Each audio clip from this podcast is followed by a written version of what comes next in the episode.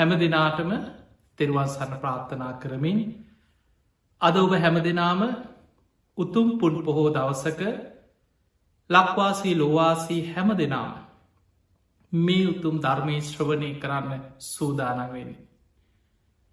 පසොලොස්සක පෝය දවසක අපි දන්නවා අපි බුදුරජාණන් වහන්සේගේ ධර්මය තුළ තුනුරුවන් තුළ හික්මෙන තෙරුවන් සරණ කිය. උපාසක උපාසිකාවන්. තමන්ගේ ජීවිතයේ උපෝසත සීලේක පිහිටලා ධර්මය දියුණු කරගන්න තමන්ගේ ජීවිතයේ කුසල් වඩාගන්න උත්සාහ කරන දවසා. පිංහතුනී බුදුරජාණන් වහන්සේ අපිට පෙන්වේ ගිහි ශ්‍රාවකේ නිත්‍ය සීලය හැටියට පංචසීලේ. ඒ පංචසීලේ යන ඔබේ නිත්‍ය සීලේ.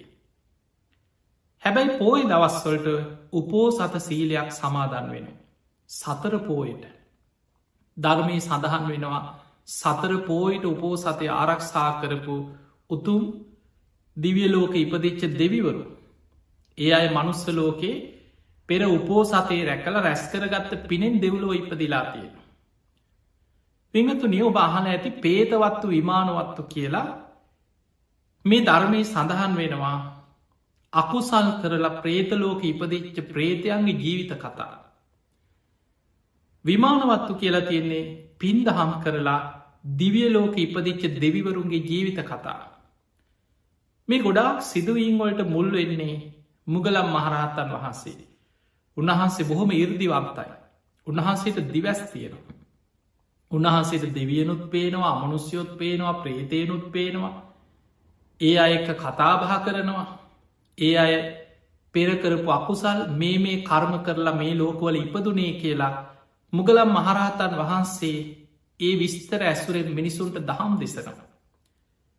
විමානවත්වේ සඳහන් වෙනවා මුගලම් මහරහතන් වහන්සේ නිතර දිවියලෝකට වැඩම කරලා දෙවියන්ගෙන් තොරතුරුවහනවා. පින්වත් දෙවිය පින්වත් දෙව්දුව ඔබ මේ තරන් සැප සම්පත් ලැබුවේ මොනවගේ පින් කරලදයි. ඔබ පෙර කොහෙද හිටියේ. මේ තරම් සැප සම්පත් ලබන්න ඔබ කරපු පින් මොනවාද. අන්න එතකොට ඒ දෙවරු කියනවා ස්වාමීනයේ මං පෙර මනුස්ස ලෝක හිටියේ. මං බොහෝම දුප්පත් කෙනෙ ඒවගේ ගොඩාක් සිදුවීන් වල තියෙනවා ඒ අයි කියනවා මං ගොඩාක් දන්දීපු මට දන් දෙන්න ලොකු මුදල් තිබ්බ කෙනෙක් නෙමේ මං බොහොම දුප්පත් කෙනෙ. සමහර දෙවිවරු කියනවා මං උක්දන්ඩක් මිරි කළ පූජ කරා. බත් හැන්දක්. ගෙදර හරියම තිබ්බ මෙච්චරයි දම්කුඩ ටික සූල්ලා බත් හැන්දක් පූජ කරා. එක්ක මල්ටිකක් පූජ කරගත්තා චෛත්‍යයකට මංකරේ ලොකූ පිනක් නෙමේ කියල. හැබැයි ඒ ගොඩාක් දෙවිවරු කියනවා සාමීනි මං සතර පෝයට හෝ සතේ රැක්ක. දන් දෙන්න සල්ලි නැති වුනත් සතර පෝයට උහෝ සතේ රැක්කා. ඒ පිනෙන් තමයි මං මේ දිවිය සැප සම්පත් ලැබුයි කියල. එනිසා පිංවතුනී දෙව්ලව උපදින්න. සුගති යන්න ගොඩාක් උපකාරවෙන බලවත් පිනක් පෝයට උපෝ සත සීලයක් සමාදන්වීම. තිය නිසා පුන් පොහෝ දවසක විශේසේ නිකිනි පුන් පොහෝ දවස. අපේ බුදුරජාණන් වහන්සේ පිරිනිවන් පාල මාස තුනකට පසුව මහරහතන් වහන්සේලා පන්සිය නමක් එකතු වෙලා. ප්‍රථම ධර්ම සංගායනාව ආරම්භ කරපු දවසක. ඒවගේම නිකිනිපුන් පොහෝ දවසි තමයි උදෑසන ධර්ම සංගායනාව දවසෙම මේ බුද්ධ ශාසනී ධර්ම බාණ්ඩාගාරිකයන් වහන්සේ. සතිමන්තාන දුතිමන්තාන සිහිනුවන තියෙන භික්‍ෂූන් වහන්සේලා අතරින් අග්‍ර යමක් ෂණයෙන් වටහා ගැනීමෙන් යුක්ත භික්‍ෂූන් වහන්සේලා අතරින් අග්‍ර මේ බුද්ධ ශාසනයේ ධර්ම බාණ්ඩාගාරිකයන් වහන්සේ ආනන්ද හාමුදුරු උතුම් මරහත්වයට පත්වෙච්ච දවස. පිංහතුනි ඔය වගේ ශාසනික කරුණු ගොඩාක් යෙදෙන උතුම් පුන් පොහෝ දවසක මේ ධර්මය ශ්‍රවණය කරන්න සූදානම් වෙන ඔබ හැම දෙනාටම. අපි විශේසෙන්ම අද සිහිපත් කරන්නේ ඔබ කාටත් වැදගත් මේ බුද්ධ ශාසනය අපේ පිරිතෙන් ආශිර්වාදය ලබාගන්න ආකාරය ගැන. අපිට පේනවා මේ වෙනකොට ලෝකෙ පුරාම මේ මහා භයානක වසංගතයක් පැතිරීගෙන යනවා. සමහර වෙලාවට ලංකාවෙන්න ඔබ එක්ක ලෝකෙ සමහර රටවල් කීපයක් යම් මට්ටමකින් ආරක්ෂා වෙලා තියෙනවා තවම. හැබැයි ඔබ ලෝකෙ දිහා මේ රෝගෙ පැතිරෙන ස්වභාවය ලෝකෙ දිහා හොඳට විමසල බලන්න. මොන තරම් භයානක අනතුරකද මේ ලෝකෙ දැන් පවතින්නේ. පිංහතුනි මේ වෙනකොට එක්කෝටි හැත්ත පල් ලක්ෂයකට වඩා. වැඩිපුර මේ රෝගය ව්‍යාප්ත වෙලා පිරිසට මේ රෝගයේ වැළඳිලා තියෙන. දවසින් දවස ලක්ස ගණන් රෝගයට ගොදුරු වෙනවා. යම්තං පෙර පිනකට අපේ මාට්‍රෝ බොහෝමි අපේ පුුණ්‍ය භූමිය ලංකාව යම් මට්ටමකින් අද මේ විදිහට ආරක්ෂා වෙලා තිබුණට ලෝකෙ බලවත්ම රටවල් අන්ත අසරණ භාවයකට පත්වෙල. නමුත් ඔබට මතක ඇති මේ වසංගතය එනකොට මිනිස්සු ගොඩක් බය වුණා. ඒ දවස්වොල පොත්තමල්ලි වෙනිවැල්ගට හොය හොයා මිනිස්සු බොන්න පටන් ගත්ත. නිතර රතන සූට්‍ර කිව්ව පිරිත් කිව්වා. දැම් බොහෝ දෙනෙකුටේ පින්කං පිරිත් පින්කන් රතන සූට්‍රය තුන් සූට්‍ර සමහරුන්ට මතකත්නෑ. හැබැයි පිංහතුනේ මේ පිරිතක ආශිර්වාදය මේ ධර්මය ආශිර්වාදය කොහොමද විපත් ඉදිරි අපි ලබන්න. ඔබට අද මේ ධර්ම දේශනාව තුළ ඉතාම වැදගත් පිරිතේ ආශිර්වාදය පිරිතේ සත්‍යයක් ක්‍රියාව මේ පිරිතෙන් ලැබි ආශිර්වාද අද අපි මේ දේශනාව තුළ කතා කරනවා. පිංහතුනේ ඔබ දන්නවා අපි එකින් එකට පිරිතෙන් පිරිත එකට හේතුවෙච්ච කාරණාදී පිරිත් කීපයක් ගැන අපි විමසල බලව. ඔබ දන්නවා පිරිත් පොතේ සඳහන් වෙනවා අපේ බෝසතාණන් වහන්සේ එදා පුංචි වටකුරුල්ලෙක් හැටියට ඉපදිච්චේ කාත්මයක මහා ලැවගින්නක් සත්‍යක්‍රියා බලයෙන් නිවපු ඒ සත්‍යක්‍රියා පිරිත වට්ටක පිරිත. මේ වට්ටක පිරිත මේක සඳහන් වෙන්නේ අපේ බුදුරජාණන් වහන්සේ බුද්ධත්වයට පත්වෙලා වැඩසිටිද්දී එදා භික්‍ෂූන් වහන්සේලා පිරිසක් සමඟ උන්වහන්සේ චාරිකාය වඩිනකොට රජගහනුවර මහා වනාන්තර ප්‍රදේශයකින් චාරිකාය වඩින. එහෙම යනකොට එක පලාතක ලැව්ගින්නක් ඇවිලිලා.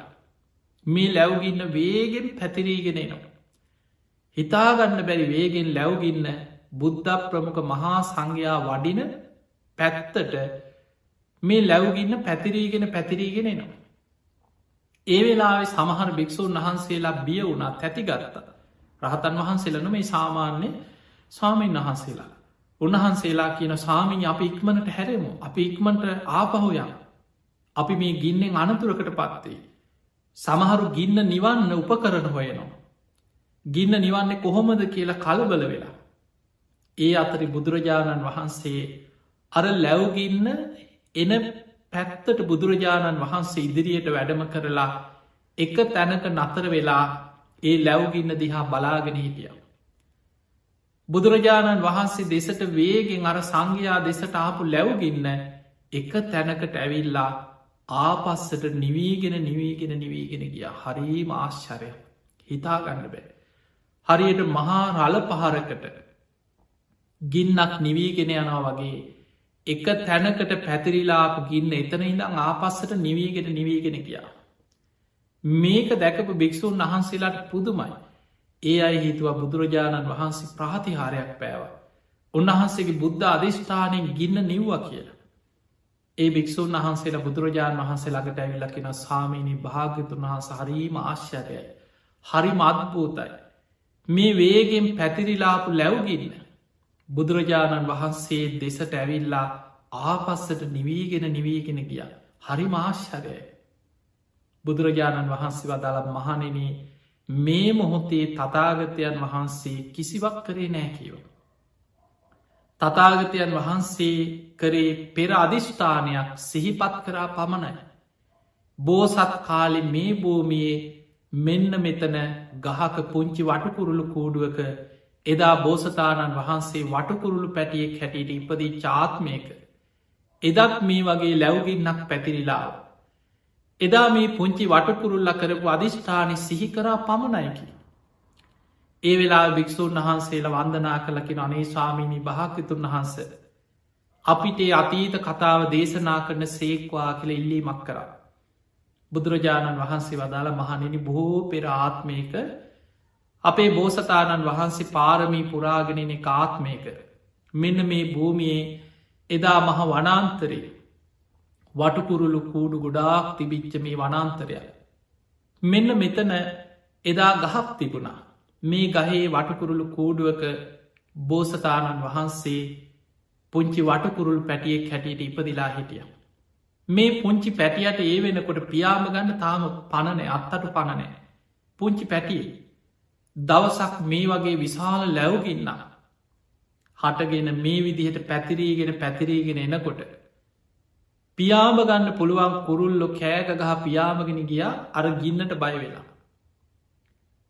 අර පුංචි බෝසත් වටකුරුල්ලගේ මේ පැටියගේ අම්මයි තාත්තයි පියාමගෙන ගියා පැටියදා පැටි අරගෙන යන්න තරන් හැකියාවක් නෑ ගින්න වේගෙන් පැතිරිලා එනවා තමන්ගේ ජීවිතය බේරගන්න ඉක්මනට පියාමල ගිය.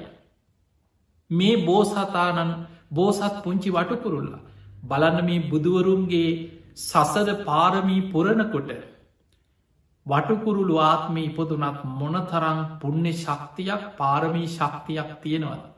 පුංචි වටකුරුල් පැටියා අර කූඩුවේ ඉඳගෙන සත්‍යයක් ක්‍රියාවක් කරා. ඇත්තම කතාව හිතනවා.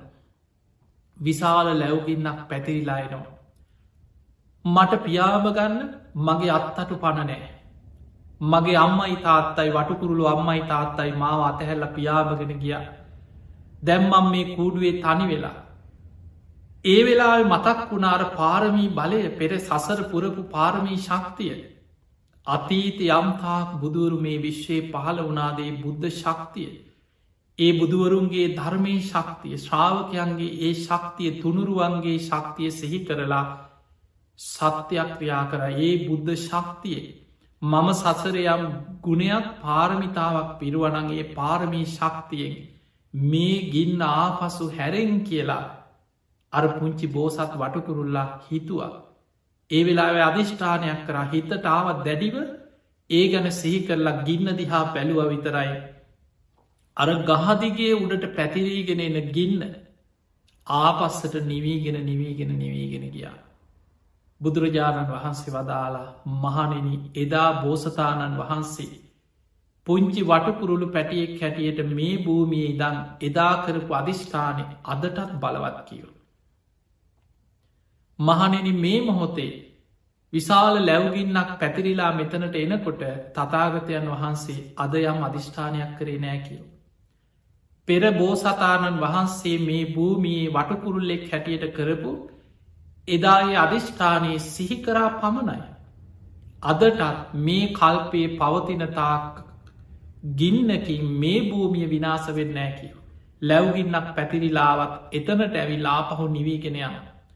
බලන්න මේ පිරිතක තියෙන ආශ්චරය බෝසතාණන් වහන්සේලාගේ සසර පාරමී ශක්තිය මෙන්න මේ පිරිත තමයි වට්ටක පිරිත හැටියට සඳහන් වෙන. ස්භාවික විපත් මහා ලැව්ගින්නක් ස්භාවික විපතක් ආපස්සට සත්‍යක්‍රියා බලයෙන් නිවපු නිවීගෙන ගිය සත්‍යක්‍රියා වට්ටක පිරිත.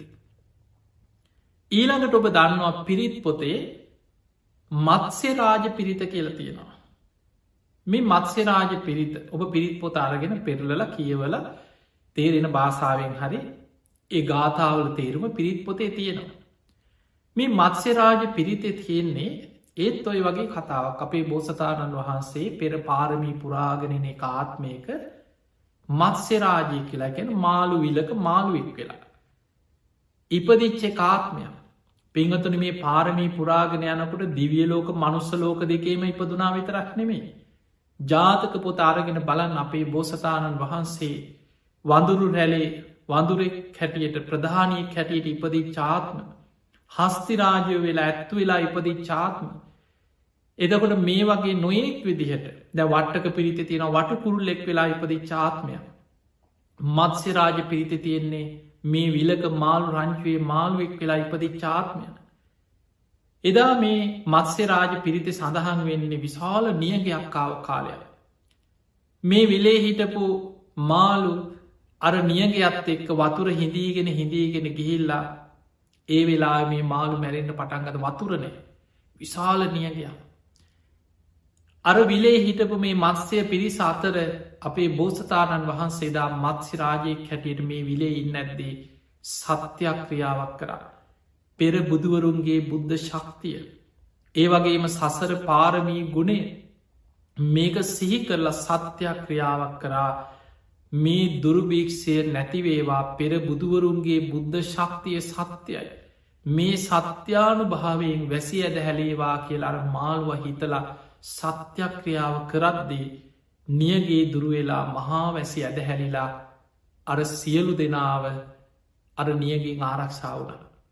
ඕක තමයි මත්ස්‍ය රාජ පිරිති තියෙන්නේ. එහෙමනම් අපිට පේනවා ස්වභාව ධර්මයට යම් යම් විපත් වියසන ඇතිවෙච්ච වෙලාවල්වල අපේ බෝසතාණන් වහන්සේ සත්‍යක්‍රියා බලයෙන් ස්වභාව ධර්මයට බලපෑම් කරා. මහා ලැව්ගින්නක් නිවෙන්න සැලැස්වා සත්‍යයක් ක්‍රියා කරල. විශාල දුරුභීක්ෂ නියග සත්‍යයක් ක්‍රියා බලයෙන් වැසි ඇද හැලෙන්න සැලැස්වා.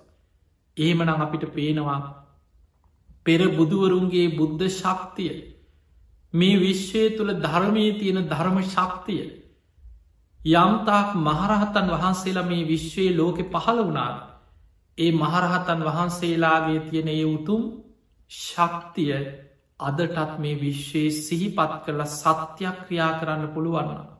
විශාල ආශිර්වාදය. අපිට හිතාගන්න බැරි තුනුරුවන්ගේ පිහිට අපට ලබන්න පුළුවන්කම තියෙනවා. පිංහතුනි රතන සූට්‍ර ගැන හිතන්න.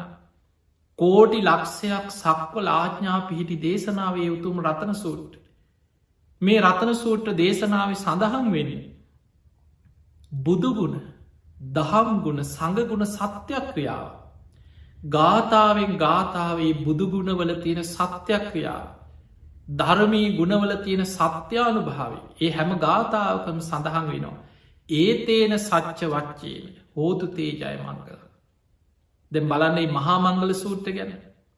ඒ මහාමංගල සූත්‍රය සඳහන් වෙන්නේ මේ සත්‍යානු භාවෙන් සුවපත්තිය. මේ සත්‍යානු භාවේ මේක මංගල කාරණය. එදකොට ඒ වගේ රතර සූත්‍රය මේ ඉදම්පි දම්මේ රතනම් පනීතා. ඉදම්පි බුද්ධේ රතනම් පනීතා. ඉදම්පි සංගේ රතනම් පනීතා. මේ තමයි බුද්ධ රත්නය තියෙන ආනු භාවේ මේ තමයි ධම්ම රත්නය ආනු භාවේ මේ තමයි සංග්‍රත්නය ආනු භාවේ ගාථාවෙන් ගාථාවට ඒ තුනුරුවන් ගුණ ගැන කරන සත්‍යක්‍රියා කෝටි ලක්ෂයක් සක්වල ආඥාපි හිටිය.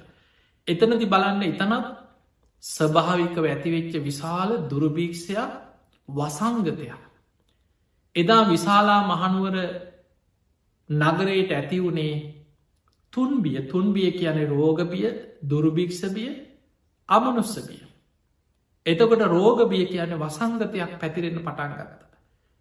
විශාලා මහනුවර මේ ඉතිහාස පොත්තොල ඒ අටුවාවල විස්තරවල සඳහන් වෙනවා විශාලා මහනුවර ඉස්සල්ලා විශාල දුර්භීක්ෂයක්කාව මිනිස්සුන්ට කන්න නැතුව මිනිස්සු ඒකෙන් පීඩාවිදින්න පටන්ගත ඔය අතර විශාල වසංගතයක් පැතිරෙන පටන්ගත මේ වසංගතය වසංගතයක් යන වේගෙන් පැතිරෙනවා බෝවෙන දැන් අදෝකට පේන ඇති මේ රෝගේ ලෝකෙ බලව රටවල් අසරන වෙන ආකාරය.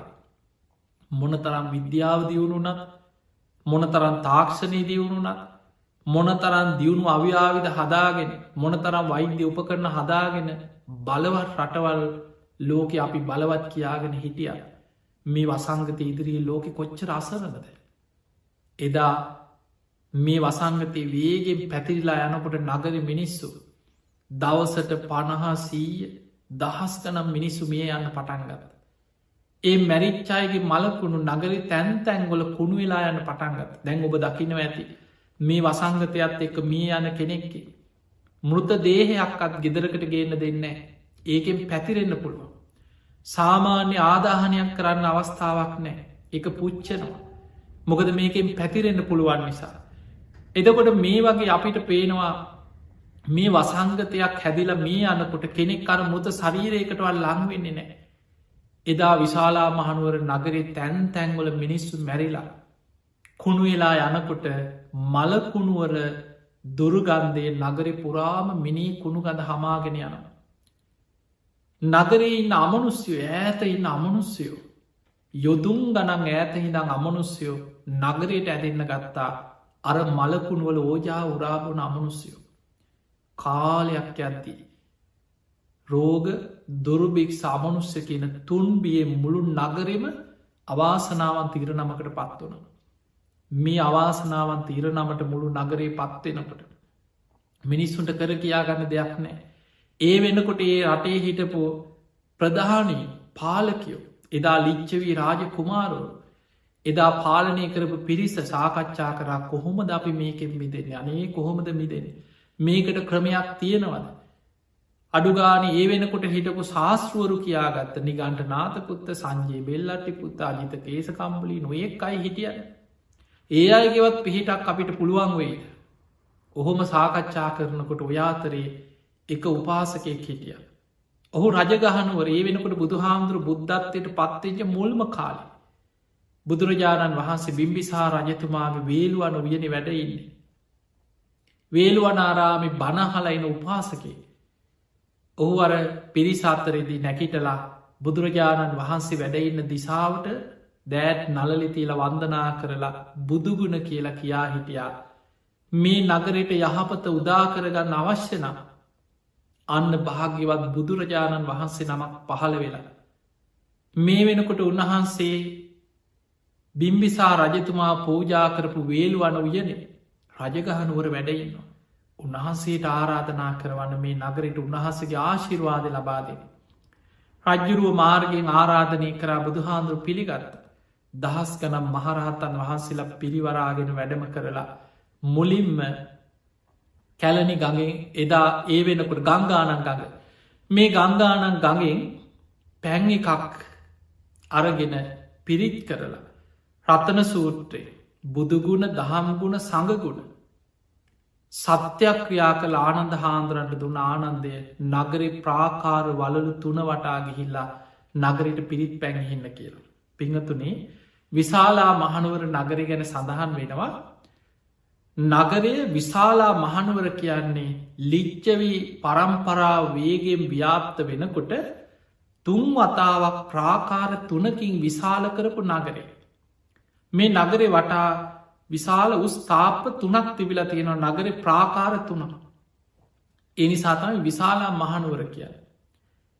රජගහනුවර ඉඳං ගංගානන් ගඟ දක්වා යුදුම් ගණනක් මාර්ගය. ඒ මග එදා බිම්බිසා රජ්ජුරුව සූදානන් කළ පාරදි පැත්ත සරසල සුදු වැලි අතුරල පෙරහැරින් වැඩම. ගංගානන් ගඟින් එතර වනාට පස්සේ. ගඟ දෙපසත් නාගලෝක නාගයන් සැරසවා කිය. ඒ ගං තොටේ ඉදං විශාලා මහනුවර නගරේ දක්වා ලිච්චවී රාජකුමාරුන් පාර සැරසු. බුදුරජාණන් වහන්සේ ගඟෙන් එතර වෙලා විශාලා මහනුවර නගරයට සිරිපතුල තබනකොට ඔන්න බලන්න බුදුගුණ බලය. සිරිපතුල තබනවා සමගවන එකින එකට වෙනස් වැසි හතක් ඇදහැලෙන. අර කාලයක් තිබ්බ දුරුභික්ෂ නැති වුණා. පොදවැස්සක් පිණිවැස්සක් මල්වැස්සක් ඔය විදිහට වැසි හතක් ඇද හැලිලා නියගේ දුරුවෙලා අර තැන් තැන්ගොල කුණු වෙලා තිබ්බ මලකුණු මේ ඕජාවල් නගරෙ තිබ්බ දුරුගන්ධය ඔක්කොම හේදිලා කිය. බුද්ධ ප්‍රමුඛ මහරහතන් වහන්සේලා නගරේ කූටාගාර ශාලාවට වැඩම කරා. ආනන්ද හාමුදුරු නගරයට පිරිත් පැංනිස්සා. බුද්ධ අධිෂ්ඨානයෙන් නගරේ රෝග දුරභික් සමනුස්ස බියෙන් අසරණ වෙච්ච මනුස්සයන් පිරිත් පැන් ඉහිනකොටම සූපත් භාවයට පත් වුණ. එද ආනන්ද හාමුදුරු පස්සේ මේ මිනිස්සු පෙරහැරක් වගේ ඇවිල්ලා බුදුරජාණන් වහන්සේ ඉදිරී වන්දනා කළ වාඩිවි. අන්න එතනදි තමයි බුදුරජාණන් වහන්සේ කෝටි ලක්ෂයක් සක්වල දෙව් බමුන්ට ආරාධනා කරලා උතුම් රතන සූත්‍ර දේශනා කරන්නට ඒදුන. පිංහතුනි අපේ බුදුරජාණන් වහන්සේගේ දේශන අතර බොහෝ බණ අහනකොට ධර්මී සඳහන් වෙනවා දස දහසක් ලෝක දහතුළ දෙවියන් එකතුනා කිය. බොහෝ වෙලාවට මේ ලෝක ධාතුවේ දෙවරු නිතර බුදු හාමුදුරගේ බණහන්නේනවා. විශේෂ දේශනාද ධම්ම චක්ක දේශනාව ගැන සඳහන් වෙන දස දහසක් ලෝක ධාතුළ දෙවියන්ගෙන් පිරුණා. බුදුරජාණන් වහන්සේගේ ආලෝක මේ දේශනාව අවසන් වෙනකොට අප්‍රමාණෝච උලාරෝ ඕභාසෝ ලෝකයේ පාතුරහිසි. දෙවියන්ගේ දේවානු භාව ඉක්මවාගේ අප්‍රමාණ ආලෝකයා දස දහසක් ලෝක දහතුට පැතිරුණා කිය. හැබැයි බුදුරජාණන් වහන්සේගේ දේශන අතර කීපයක් තියෙනවා. කෝඩි ලක්ෂයක් සක්වල ඒ කියන්නේ ධර්මය සඳහන් වෙන්නේ ත්‍රිහි සහස්සී ලෝකධාතුව.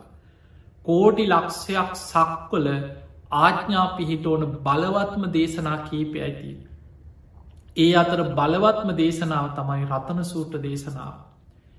එදා බුදුරජාණන් වහන්සේ ඒ බුදුගුණ දහම් ගුණ සඟගුණ සත්‍යයක් ක්‍රියා දේශනාව විශාලා මහනුවර නගරි මැද කූටාගාර ශාලාවෙදි දේශනා කරා.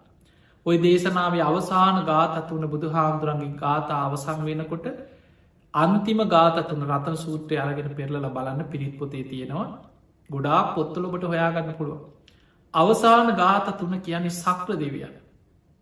බුදුරජාණන් වහන්සේගේ මේ බුද්ධ ආඥාව අපි පිළිගන්නවා. ධර්මී ආඥාව අප පිළිගන්නවා. මේගේ ශ්‍රාවක සංඝයාගේ ආඥාව පිළිගන්නවා. අපි බුදුරජාණන් වහන්සේට වන්දනා කරන ධර්මයට සංඝයාට අපගේ නමස්කාරවේවා කළ සක්‍ර දෙවිය තමයි අවසාන ගාතතුන කියලා වන්දනා කරන්න. ඒ නිසා අදටත් මේ වසංගත රෝග පැතිරිලා යනකොට පිංහතුනේ ඔබ නිතර පුරුදු වෙන්න ගෙවල් වල රතන සූත්‍රය කියලා පිරිත් කියන්න දැම් බලන්න මේ ලෝකෙ මේ තරම් බලවත් රටවල් අසරණ වෙනකොට මොකක් හෝ ආශ්චරයකට අපේ රටවල් මෙහිම හරි ආරක්ෂා වුණ අසල්වැසි ඉන්දියාව දිහා බලන්න අද වෙනකොට මොනතරම් වේගෙන් මේ රෝගේ ව්‍යාප්ත වේගෙන යනවද? ඉන්දියාවගේ රටක අපි නිතර දමදී වන්දනාව හිහිතින් අපි නිතර පින්කං කරන්න වැඩම කරලා තියෙනවා. ඉන්දියාවගේ රටක පරිසර ඒ මිනිස්සු ජීවත්වෙන ක්‍රමේ ගත්තහම අදොය තියෙන සැබෑ සංඛ්‍යාලේකනවලට වඩා තුන් හතරගුණයකට වඩා වැඩිවෙන්න පුළුවන් ඇත්ත රෝගීම් ප්‍රමාණය. ඒකට හේතුව පිංහතුනී සංඛ්‍යාලේකනයක් හැටියට ලක්ස පහලවයි විස්සයි කියල හරි රෝගී මෙච්චරයි කියලා සංඛ්‍යාලේකන ගතවෙන්නේ. ඒ අය පරීක්ෂණ කොරොත් විතරයි. ඒ පරීක්ෂණ වාර්තාවට අනුව තමයි ඔහු රෝගියෙක් කියල හඳුන්නන්න. නමුත් ඉන්දයා වගේ රටක් ගත්තහම මිනිස්සු ඒ මිනිස්සු ලෙඩක් හැදුන කියලා වෛද්‍යවරයෙක් ළඟට යන්න. ඔහේ ගෙවල්ලොල ඉන්නවා. එක්කෝ එහෙමම මැරෙනවා මැරුණට පස් මොන වෛද්‍ය පරීක්ෂද. සමහරු එහෙම එක දවසෙන්ම ගිහිල්ලා ගගක් අයිනි තියලා පුච්චලා අලු ටික ගඟට දාන. එතකොට ඔය වගේ ඒ කෝටි ගානක් මිනිස්සු ජීවත් වනාට ලෝකෙ දෙවනි වැඩිම ජනගහනඉන්න රට ඉන්දයා නමුත් ඔවුන්ගේ ජීවිතවල ගත්තොත් ඔවුන්ට පැන්න සහතිකයා අයිඩින්ටිකාඩ් එකක් වයි මොනුවත්නෑ බොහෝ මිනිස්සුට හරියට සංඛ්‍යාලේකනයක් නෑ. කොච්චර මිනිස්සු ඉන්නවද කියලවත්. පවුල් ගඩන් ඔහේ ජීවත්වෙනවා ඉන්න තැනක් නෑ. මහපාරවලල බොහොම අපිරිසිදු ජීවිත. තිය නිසා අසල් වැසි ඉන්දියාව මේ තරම් වේගෙන් මේ රෝග පැතිරෙනකට. ඒ විතරක් නෙමෙයි. ඒ අසල් වැසි අනෙක් රටවල් වල මේ තරම් පැතිරීගෙන යනකොට මේ ලංකා භූමි ආරක්ෂා වෙලා තියෙන්නේ මොන ප්‍රශ්න මොනවත් තිබුණා ස්වර්ණමාලි චෛත්‍යරාජාණන් වහන්සේ මොන තරම් මිනිසු සද්ධාවෙන් පින්කා කරනවාද? ජයශ්‍රී මහා බෝධීන් වහන්සේ මේ අටමස්ථාන සොලොස් මස්ථාන දෙතිස් පල බෝධීන් වහන්සේ ලාෂ්ට පල බෝධීන් වහන්සේලා මිනිස්සු කොච්චර නිතර පිරිත් කියනවා පින්කං කරනවා බුදුගුණ කියනවා පිරිත් පැන්හිනවා මේ නිසා තමයි යම්මට්ටමෙන් හරි ලෝකෙ මද මේ රෝගෙන් අසරණ වේගෙන යනකොට මේ ලංකා වගේ පුංචි රටක් මේ විදිහට හරි අපි ආරක්ෂා වෙලා තිය. තියනිසා පිංහතුනින් නිතර මේ ස්වභාවික විපත් පැතිරීගෙන යනකොට මේ ස්වභාවිකතයක් එවැනි ස්වභාවික විපත් ඉදිරී අපි නොසිතන විදිහට ලෝක මිනිස්ව අන්ත අසරණ භාවයට පත්වෙන්න පුළුව. ඒ නිසා නිතර තුනුරුවන්ගේ පිහිට ආශිර්වාදී මේ පිරිතේ තියෙන ආශිර්වාද හැබැයි මතක තියාගන්න පිරිත්තක ආශිර්වාද ලැබෙන්නේ කෙනෙකුට හිතෙන පුළන් කෝ ඉතින් අපි පිරිත් කීව කෝ අපිට ඔහොම කියන ඉන්නවා කෝ අපිට බැලවා අපි ඔච්චර පිරිත් කියන බුදුන් වදින අපිටමයි මේ කරතද එහෙම කිය කිය තුනුරුවන්ට ගරහන තුනුරුවන්ට බනින දවසක් පිරිත් කිව්ව කියලා කෝ ප්‍රතිඵල කියලා හනඉන්න. මතක තියාගන්න පිරිතේ ආශිර්වාද ලැබෙන්නේ සිල්වතාට. සිල්වත්ත ගුණධර්ම පුරමින් ධර්මිෂ්ටව ජීවත්වෙන කෙනා තමයි පිරිතෙන් ආරක්ෂාවේ. ඒ නිසා ඔබ කොච්චර උදේ හවස පිරිත් පටි දාගෙන හිටිය පිරිත් කිය කිය කොච්චර පිරිත් පොත අතේ තියාගෙන පිරිත් කිව්වත් ඔබ තුළ සීලාදී ගුණධර්ම පිහිටල නැත්නම්. ඔබ අඩුම ගාන පන්සිල්ලත් ටකින කෙනෙක් නොවෙයිනම්. ඒ පිරිති ආශිර්වාදය ඔබට ඒ තරන් ලබන්න පුළුවන්කමක් නෑ මතක තියාගන පිරිත් කියද්දි කොහොමත් පින් රැස්වෙනවා බුද්ධ වචනය. හැබැයි ඒක ආශිර්වාදයේ සීයට සීයක් සාර්ථක ඔබට ලැබෙන්න්න නම් ඔබ සිල්වත් වෙන්නට ඕන. ඔබ ධර්මානුකුලව ජීවත්වෙන. ඔබ ධර්මිෂ්ට ජීවිතයක් ගත කරන්න. එතකොට ඒ පිරිත ආශිර්වාදය ඔබට ලබන්න පුළුවන්. ඊළඟට අපි බලන. ඔබ දන්නවා සාමාන්‍යයේ සර්පයන්ගේ කරදර උපද්දව ඕන තරම් ඇති. ඔබ බලන්න මේ සරපයෝ සමාරු ඉතන්න පුළ මුන් ඉන්න කැලේ ඔය ගංගුවල කැලෑවල්ල ඉන්න මිනිස්සුන්ට තමයි ඔය සර්පයන්ගේ කරදර තියෙන. පිංහතුනි මතක තියාගන්න සමහර වෙලාවට කර්ම විපාක කොළඹ වෙන්න පුළා කොළඹ හතේ වෙන්න පුළුව. බොහොම ආරක්ෂිතව ගේටු දාගෙන තාප්ප හදාගෙන ආරක්ෂකයෝ තියාගෙන මොන තරං ආරක්ෂා වෙලා ජීවත්වෙන්න උත්සාහ කරත් හිතාගන්න බැරි විදියට බටයක් අස්සෙන් හරි ඇවිල්ලා මල්ගහක හරි ඇතිලා ඉඳලා සර්පයෙක් දෂ්ට කරන අවස්ථා තියෙන නැතුව නෙවේ. මහා කැලේ සත්තු අතරේ සර්ප විමානවල ජීවත්වෙන මිනිස්සු ඉන්නවා කවදාව සර්පයෙක් දෂ්ට කරලනෑ. අපි දන්නවා බොහෝ ස්වාමීන් වහන්සේලා ඉන්නවා වහා වනාන්තරවල ආරන්නේව කැලෑවල්ල වැඩ ඉන්න ස්වාමීන් වහන්සේලායි. හැබැයි කවදාවත් උන්වහන්සේලාට ඒ සර්පයගෙන් අනතුරක් වෙලානේ. එතකොට එහෙම නොවෙන්න හේතුව කෙනෙකුට එහෙම වනානම් ඒක එක හේතුවක් තියෙන එක්කො සීලේ යම් ප්‍රශ්නයක් එහෙම නැත්නා සර්පයන් අරමුණු කරගෙන මෛත්‍රිය වඩලන. විශේෂෙන් සර්ප කොළවලට මෛත්‍රී වඩනවනම් එයා සර්පයන්ගෙන් ආරක්ෂාවෙනවා කියල බුදු හාන්දුරපෙන.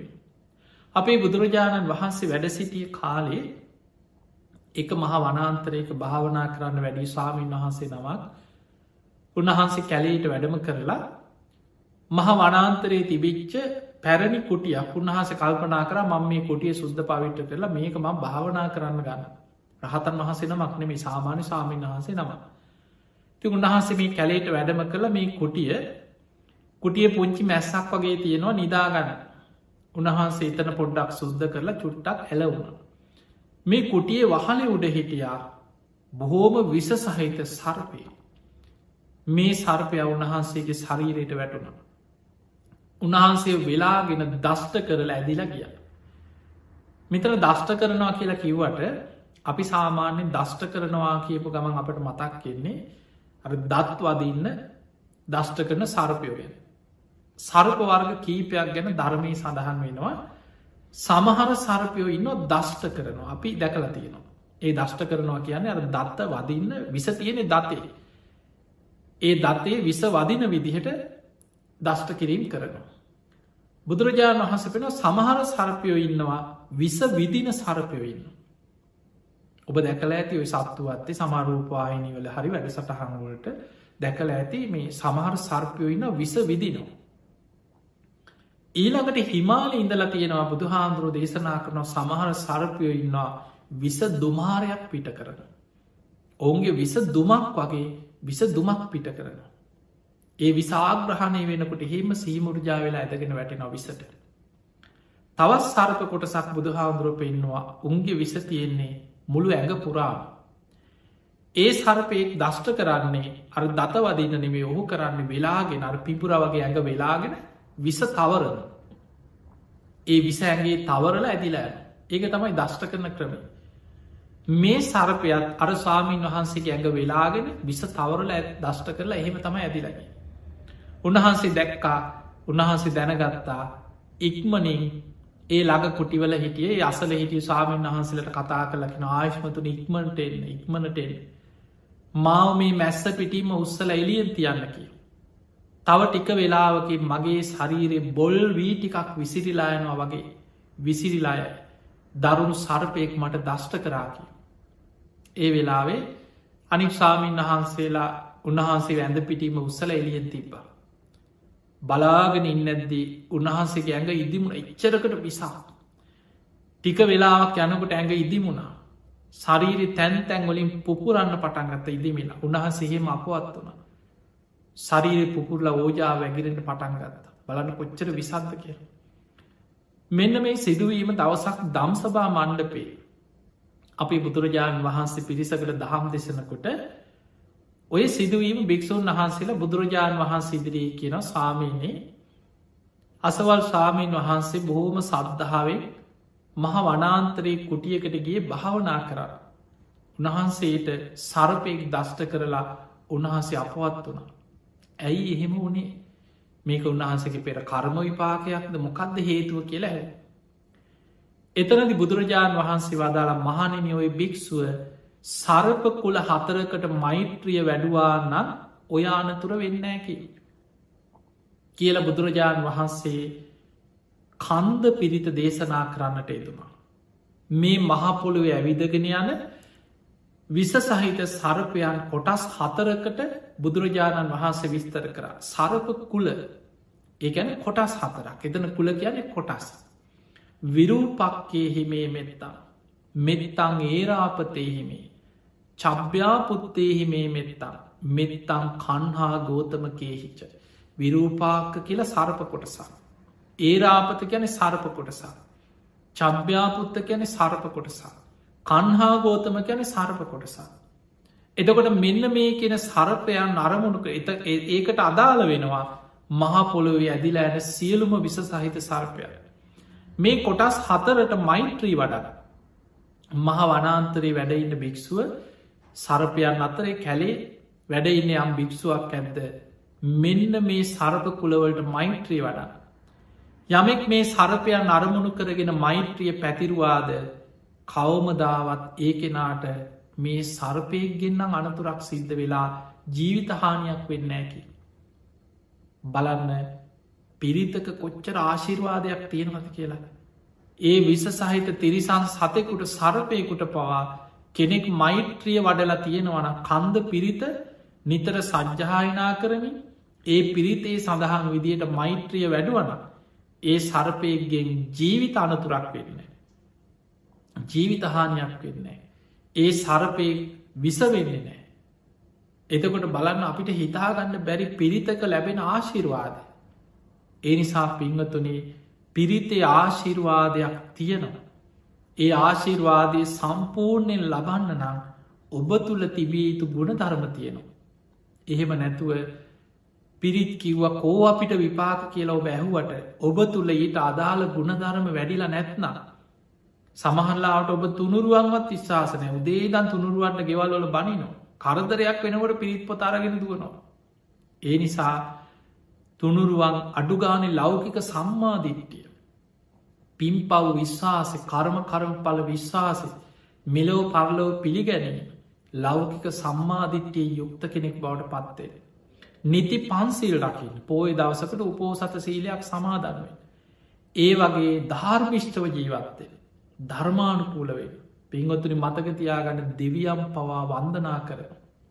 සිල්වත් කෙනාට ධර්මය සඳහන් වෙනවා දවසක් සක්‍ර දෙවියන් මාතලී කෙන රතාචාරවරයට කතා කළ කෙන මාතලේ ඔය නන්දන වනයට යන්න දිවිය රතේ සූදානන් කරන්න. දෙවියන්ටත් දිවිය රත තිය නොම අපි යන ආනවාහන වගේ නෙම ඒ දෙවියන්ගේ පිනට පහළ වෙන දිවිය රතේ අපිට හිතාගන්න බෑ කොයි වගේද කියලා.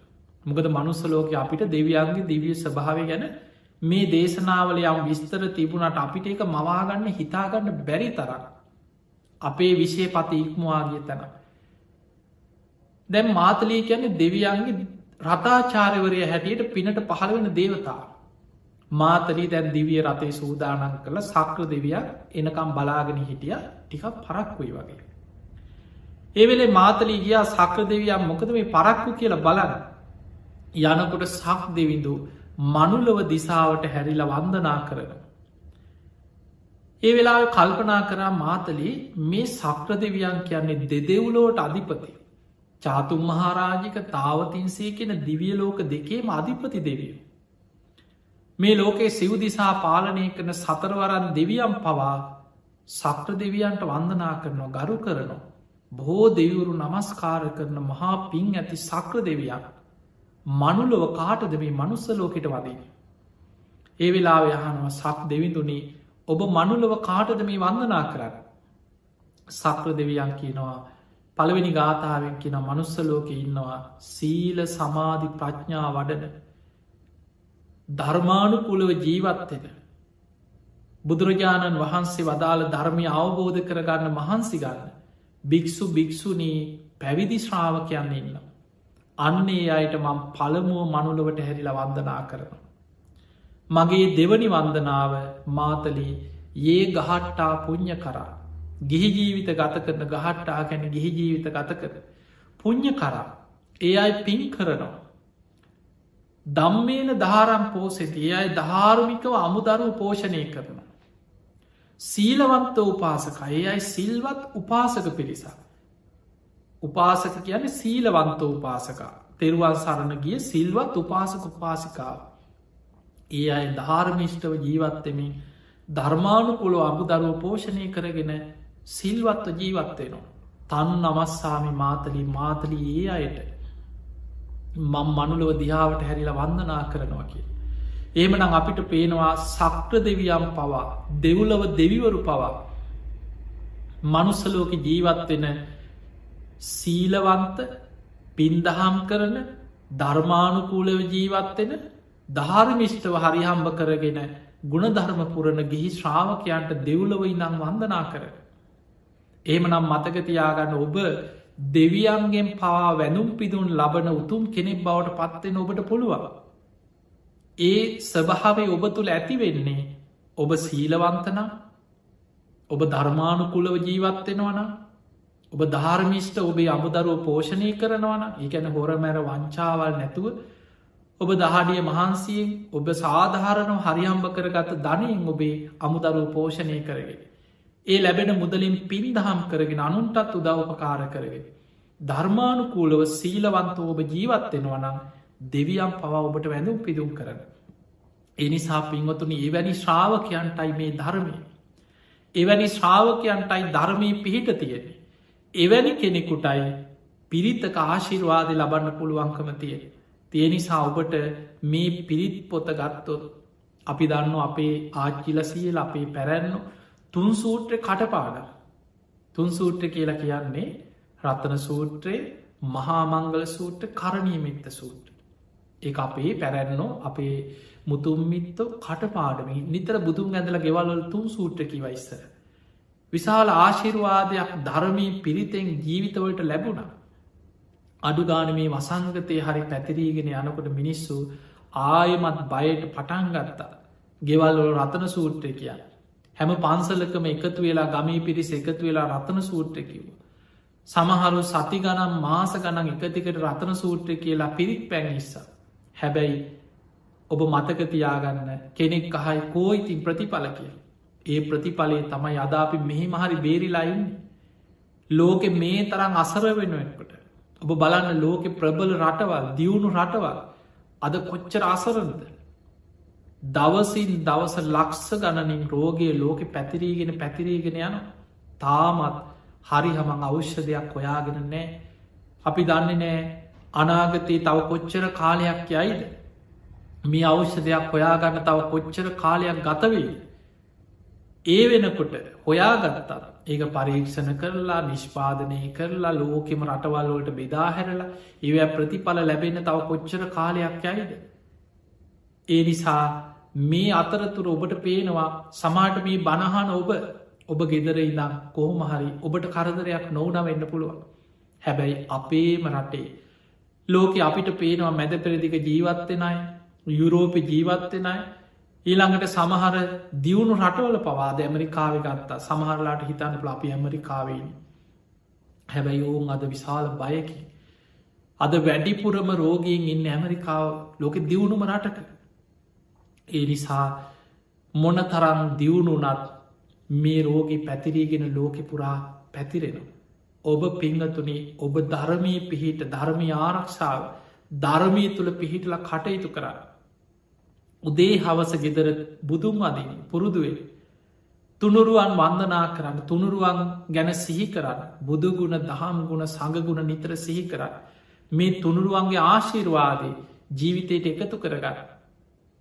අන්න එතකොට බුදුගුණ හිතන්න හිතන්න බුදු හාමුදුරු පෙන්වා ඒක පුුණ්්‍ය ගංගා පුඤ්ඥාමි සන්ද සූට්‍ර බුදුහාන්ද්‍ර පෙන්වා මහණෙනි කෙනෙක් බුදුගුණ නිතර සිහි කරනවද. එයාගේ ජීවිතයට පුුණ්්‍ය ගංගාවක් රැස්සෙන. කෙනෙක් නිතර ධර්මය ගුණ සිහි කරනවාද. එයාගේ ජීවිතයට තවත් පුුණ්්‍ය ගංගාවක් රැස්සෙන. කෙනෙක් නිතර සඟගුණ සිහි කරනවාද. එයාගේ ජීවිතයට තවත් පුුණ්්‍ය ගංගාවක් රැස්සෙන. තුනුරුවන්ගුණ සිහි කරන කෙනා බුදුරජාණන් වහන්සේ පෙන්නනවා පුුණ්්‍ය ගංගා තුනක් ජීවිතයට ඇස්සෙන. ඒ වගේ මයි පිනාතර අග්‍ර පිනා බුදුගුණ සිහිකරන්න සිහිකරන්න බුද්ධානුස්සතිය වැඩෙන. ධර්මී ගුණ සිහිකරන්න සිහිකරන්න දම්මානුස්සතිය වැඩෙන. සඟගුණ සිහිකරද්දි සංගානුස්සතිය වැඩෙන. ඊළඟට අපි ගමු කරණීමිත්ත සූත්‍රය.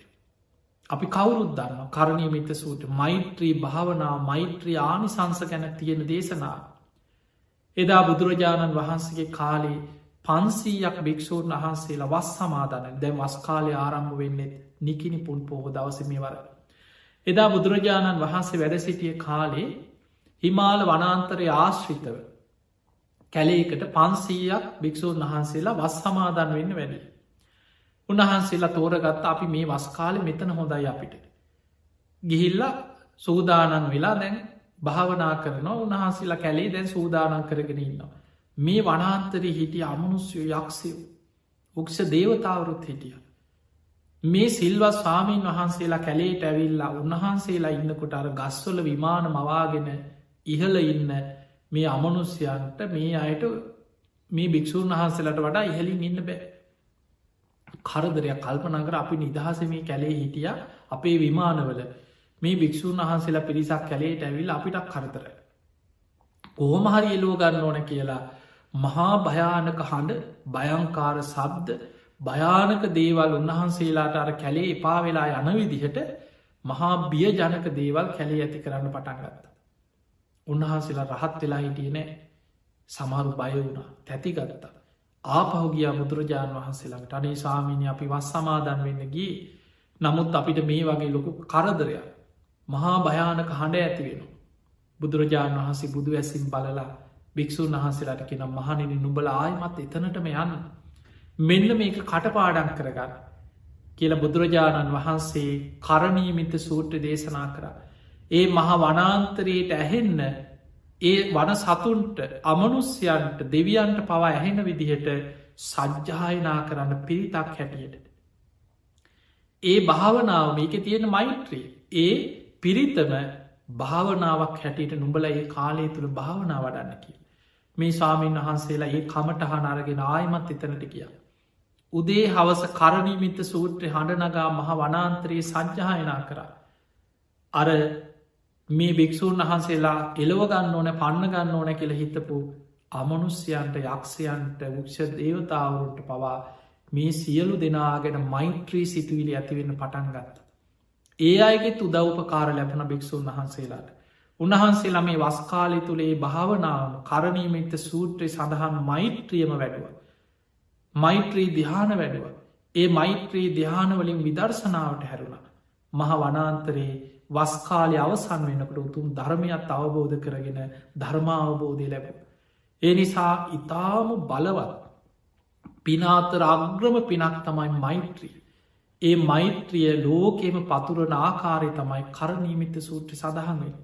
තියනිසා පිංහතුනි විශේසෙන් මේ වගේ යුගේක මේ වගේ ලෝකෙම විපතකින් අසරණ වේගෙන යන කාලයක ඔබ ඔබේ ජීවිතය තුළ පිරිතේ ආශිර්වාද ලබට තිං අද වගේ උතුම් දවසක මේ ධර්මය ශ්‍රවණය කරන ලක්වාසි ලෝවාසි ඔබ හැම දෙනාටම පිරිතේ බලය පිරිතේ ආශිර්වාදය පිරිත් දේශනාවලින් කොහොමද ජීවිතයට රැකවරණ ආශිර්වාදය ලබාගන්න කියන කාරණයයි අද මේ ධර්මානු ශාසනාවද අපි ඔබට කියලතම.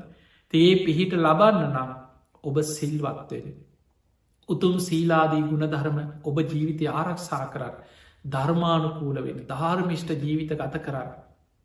ඔබට පීති ආශිර්වාද ලබන්න පුළුව තින් එහෙම නම් තුනුරුවන්ගේ අනන්ත ගුණානු භාව බලය බුද්ධානු භාවෙන් දම්මානු භාවෙන් සංගානු භාවේ ඔබට රටට ලෝකයාටමත් මේ පැතිරීගෙනම යන වසංගත රෝගේ ඉක්මනින්ම ලෝකෙන්ම දුරු කරගන්න වාසනාව ලැබේවා ඒ රෝගේ දුරු කරන්න ඉක්මනින්ම ඒ සඳහා පර්යේෂණ කරන විද්‍යාඥයන්ට අවෂ්‍යද හොයාගන්න දිවාරෑ නොබලා වෙහෙසෙන සියලු දෙනාට ඒ සුදුසු අවෂ්‍යද ඉක්මනින්ම හොයාගෙන ලෝකයාටම සුවපත්වෙන ඒ නිසි බෙහෙත් අවෂ්‍යද හොයාගෙන ලෝකයාටම ඉක්මනින් ලබා දෙෙන වාසනාව ලැබේවා.